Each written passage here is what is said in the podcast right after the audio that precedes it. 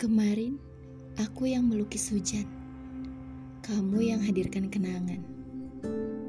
Esok, aku tidak tahu. Mungkin kau akan berdiri di sampingku, membawa payung kecil untukku, agar aku tak dihujani rindu. Sayangnya, kamu terlalu manis untuk kulukis di atas tanah yang lalu terseret air hujan. Aku kira kamu mudah untuk ditemukan. Nyatanya kamu seperti hujan. Terlebih, aku harus menjadi mendung supaya kamu datang. Sudah cukup. Aku telah basah kuyup menantimu dan suaramu yang membelenggu.